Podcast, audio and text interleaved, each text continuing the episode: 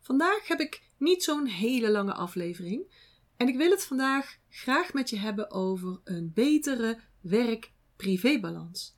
Want dat is wat ik heel vaak hoor van met name vrouwelijke ondernemers en leiders. Janine, wat kan ik doen om een betere werk-privébalans te krijgen? Maar wat betekent dat eigenlijk nou? De vraag zelf impliceert natuurlijk al dat er een disbalans is. En meestal is dat dus dat het stukje werk groter is dan het stukje privé. Want ik hoor niet echt vaak ambitieuze vrouwen klagen over het feit dat ze te weinig werken en veel te veel tijd hebben voor zichzelf. Wil jij nou ook een betere werk-privé-balans? Zo ja, wat houdt dat dan eigenlijk voor jou in? Ben je nu zoveel uren aan het werk dat je naast slapen haast geen tijd overhoudt voor privé? Of niet genoeg naar jouw zin, of niet kwalitatief genoeg? Of heb je dus wel die tijd voor privé, maar wordt het steeds opgeslokt door werkgedachten? Kun je maar niet afgeschakeld krijgen? Worden, afgeschakeld worden? Of kost werk je zoveel energie dat je gewoon geen fut meer hebt hè, wanneer je of werk bent? Die disbalans kan dus in verschillende facetten zitten. En meestal is het een combinatie van. De volgende vraag is dan natuurlijk: hoe zou je het willen hebben? Wat is voor jou balans in werk en privé? En ik heb zelf wel iets met die term balans. Ik denk namelijk dat het totaal niet nuttig is om te streven naar een steady balans. Een constante, een, een veilig in het midden. Want, let's face it, je bent een high achiever en die leiden nou eenmaal geen veilig in het midden leven dat zit gewoon niet in de aard van het beestje. Bovendien, wanneer iets constant in het midden is, dan is er geen beweging meer. Dan is er stase. Dan is het klaar, afgelopen, uit. In de natuur komt ook geen stase voor. Want alles wat cyclisch is, is dus constant in beweging. Gaat van de ene fase door naar de andere fase, van een ene uiterste naar een andere en weer terug.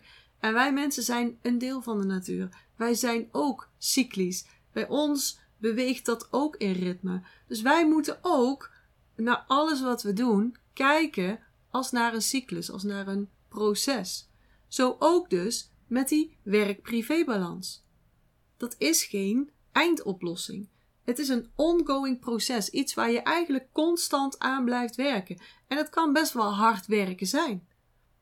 Een belangrijk stukje in het proces is het afschakelen. En ik heb al eerder een podcast gemaakt over uh, podcast nummer 31. De negen soorten rust die high achievers absoluut nodig hebben.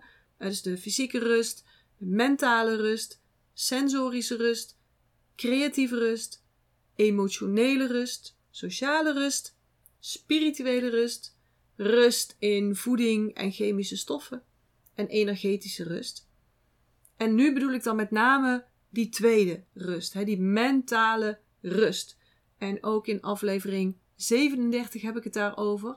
Ja, hoe voorkom je beslissingsvermoeidheid? Maar daar heb ik het ook over die mentale rust. Hoe kun je die krijgen? Hoe kun je meer rust in die ruimte krijgen? Die mentale ruimte. Plus in die aflevering deel ik ook echt een hele mooie waardevolle oefening met je. Om dus die mentale ruimte op te schonen en om daar ook in bij te tanken. Heel belangrijk om overwhelm te voorkomen. En dat je dus ook kunt genieten van je privé-tijd. In plaats van dat je prikkelbaar bent, dat je te moe bent om leuke dingen te doen, dat je te moe bent om te genieten. Waar sta jij eigenlijk op dit moment? Nou, als je naar die balans kijkt, die werk-privé-balans, hoe voel jij je daar dan onder? Voel je je energiek? Uh, voel je je vervuld of tevreden? Of als je naar die balans kijkt, maakt dat je dat meer boos, getriggerd, geprikkeld. Of verdrietig. Of misschien wel eens een beetje bitter. Want voordat je iets kunt veranderen, moet je natuurlijk eerst wel bewust worden van wat er aan de hand is. wat zijn dus jouw drijfveren voor verandering?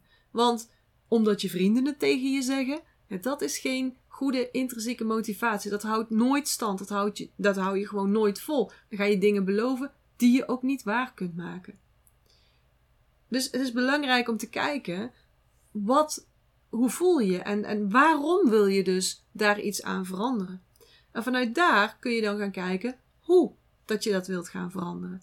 dus wat ben je bereid om te veranderen? Wat ben je bereid om meer te gaan doen? Wat ben je bereid om minder te gaan doen? Want dat is dus die beweging van de ene naar een andere kant. Dus als je iets meer gaat doen, bijvoorbeeld je besluit om meer tijd mm, voor jezelf uit te trekken, of om meer tijd met je gezin door te brengen, en dan moet je aan de andere kant natuurlijk iets minder gaan doen. Dan zul je dingen moeten gaan opofferen, of, of soms kun je dat zo zien. Hè? Zul je dus prioriteiten moeten stellen.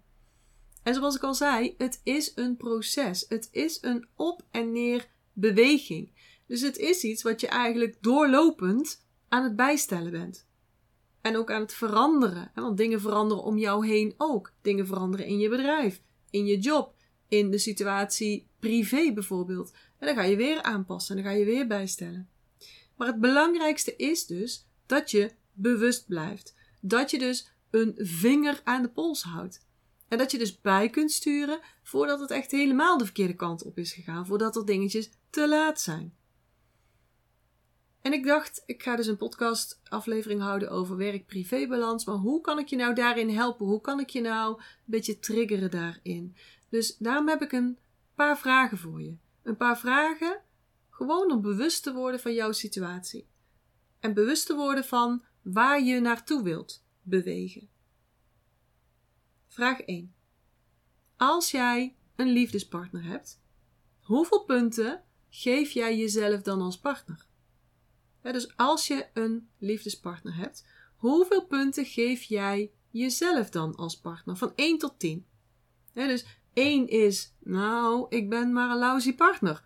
je bent er nooit voor jou lief. En 10 is fantastisch. En je weet zeker, jouw partner kan zich geen betere wensen. dus hoeveel punten zou jij jezelf geven als partner? Tweede vraag. Als je een liefdespartner hebt, hoeveel punten zou jouw partner jou dan geven? Want dat is weer een andere hoek natuurlijk. Dus plaats je eens in haar of zijn schoenen. Als je een liefdespartner hebt, hoeveel punten zou jouw partner jou dan geven? Van 1 tot 10. Voor jouw deel in de relatie. En wat zegt dat? Is er een verschil tussen die eerste vraag en die tweede vraag, de uitkomst? Oké, derde vraag. Hoe vaak werk jij langer dan je eigenlijk gepland had of zou willen?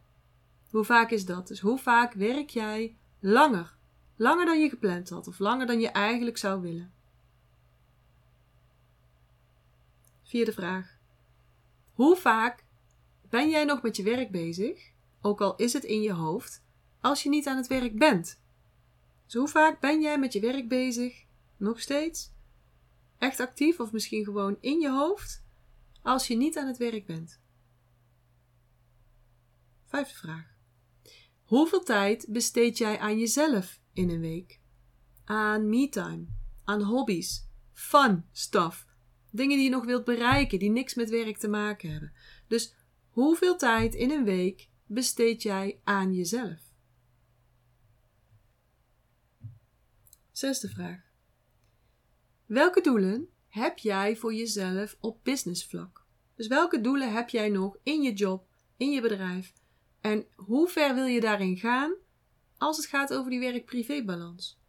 Dus wat wil je nog bereiken? En hoeveel ja, van die balans wil je als het ware opofferen om dat voor elkaar te krijgen? Denk daar eens over na. En de laatste vraag. Hoe zou je eigenlijk willen dat die werk-privé-balans was? Of is? Hoe ziet bijvoorbeeld een ideale dag eruit? Of hoe ziet een ideale week eruit? Dus hoe zou jij willen dat die werk-privé-balans is? Wat is ideaal? Hoe zie jij dat? Denk daar eens over na. En ik snap dat je niet meteen antwoorden kunt geven op al die vragen. Maar luister de aflevering nog eens terug. Spoel even terug. Schrijf die vragen voor mijn pad even op. En laat die zo eens door je systeem gaan deze week. Mijn mensen noemen dat Janine. Dus ga er eens lekker op Janine. Ga eens op kouwen. Ga er eens over nadenken. Ga die voelertjes daar eens op loslaten. Ga eens bezig met die vragen. En wat er dan gebeurt, is je zet als het ware een deur open. Of verschillende deurtjes open. Je zet deuren open van bewustzijn. En daar gaat energie doorstromen. Daar kunnen andere dingen in beweging gebracht worden. Dus die vragen, door jezelf die vragen te stellen, creëer je beweging daarin. En die beweging zal altijd tot een bepaalde balans leiden als je daarmee aan de gang gaat. En dan, als je dat zo eens een week gedaan hebt, als je daar zo eens op hebt gekoud, mee bezig bent geweest, lekker op kunnen janine daarop, ga dan eens beginnen met één stapje te zetten. In die richting, in die richting van balans. Voor dit moment, hè? En mijn vraag is dan: welk kleine stapje ga jij zetten voor meer balans in werk, privé? Ik zou het super tof vinden als je dat met mij wilt delen. Dus reach out. stuur me een DM, stuur me een ehm, mailtje. Kijk hoe je me te pakken krijgt. En stuur mij eens welke kleine stap jij gaat zetten. Je mag natuurlijk ook iets anders sturen over deze aflevering. Hè? Dus als je een mooi inzicht hebt op een van die vragen die ik je net gesteld heb, stuur me die ook. Of als je een vraag hebt daarover, kun je me ook stellen, want ik vind het hartstikke leuk om met je te sparren daarover. Dus oké, niet zo'n hele lange aflevering deze week, maar dat is ook niet erg, want met die vragen kun je lekker aan de gang. Laat dat eens jouw thema zijn voor deze week. Hoe zit het met mijn werk-privé-balans? Wat zou ik daar nou eigenlijk in willen? Hoe staat het ermee? Nou, ga daar lekker mee aan de gang. Deel met mij, want dat vind ik super leuk. En dan uh, voor nu wens ik je een hele fijne dag. Of misschien ga je zo wel slapen. Wens ik je een hele fijne nacht. En uh, vanuit Eindhoven zeg ik houdoe. En dat betekent zorg heel goed voor jezelf. En uh, graag tot de volgende keer. Ik hoop dat ik je weer heb kunnen inspireren en motiveren. En als dat zo is, zou ik het heel tof vinden als je deze Master Your Energy podcast zou willen delen. Bijvoorbeeld door een screenshot te maken en die te delen op social media. Waar je me ook heel erg blij mee maakt, is een waardering en een review. Bijvoorbeeld in iTunes, Apple Podcasts of in Google. En uh, hoe meer sterren, hoe meer bubbels. Oh, en abonneer je dan ook meteen even op dit kanaal of ga me volgen op Spotify. Dan mis je nooit meer een aflevering.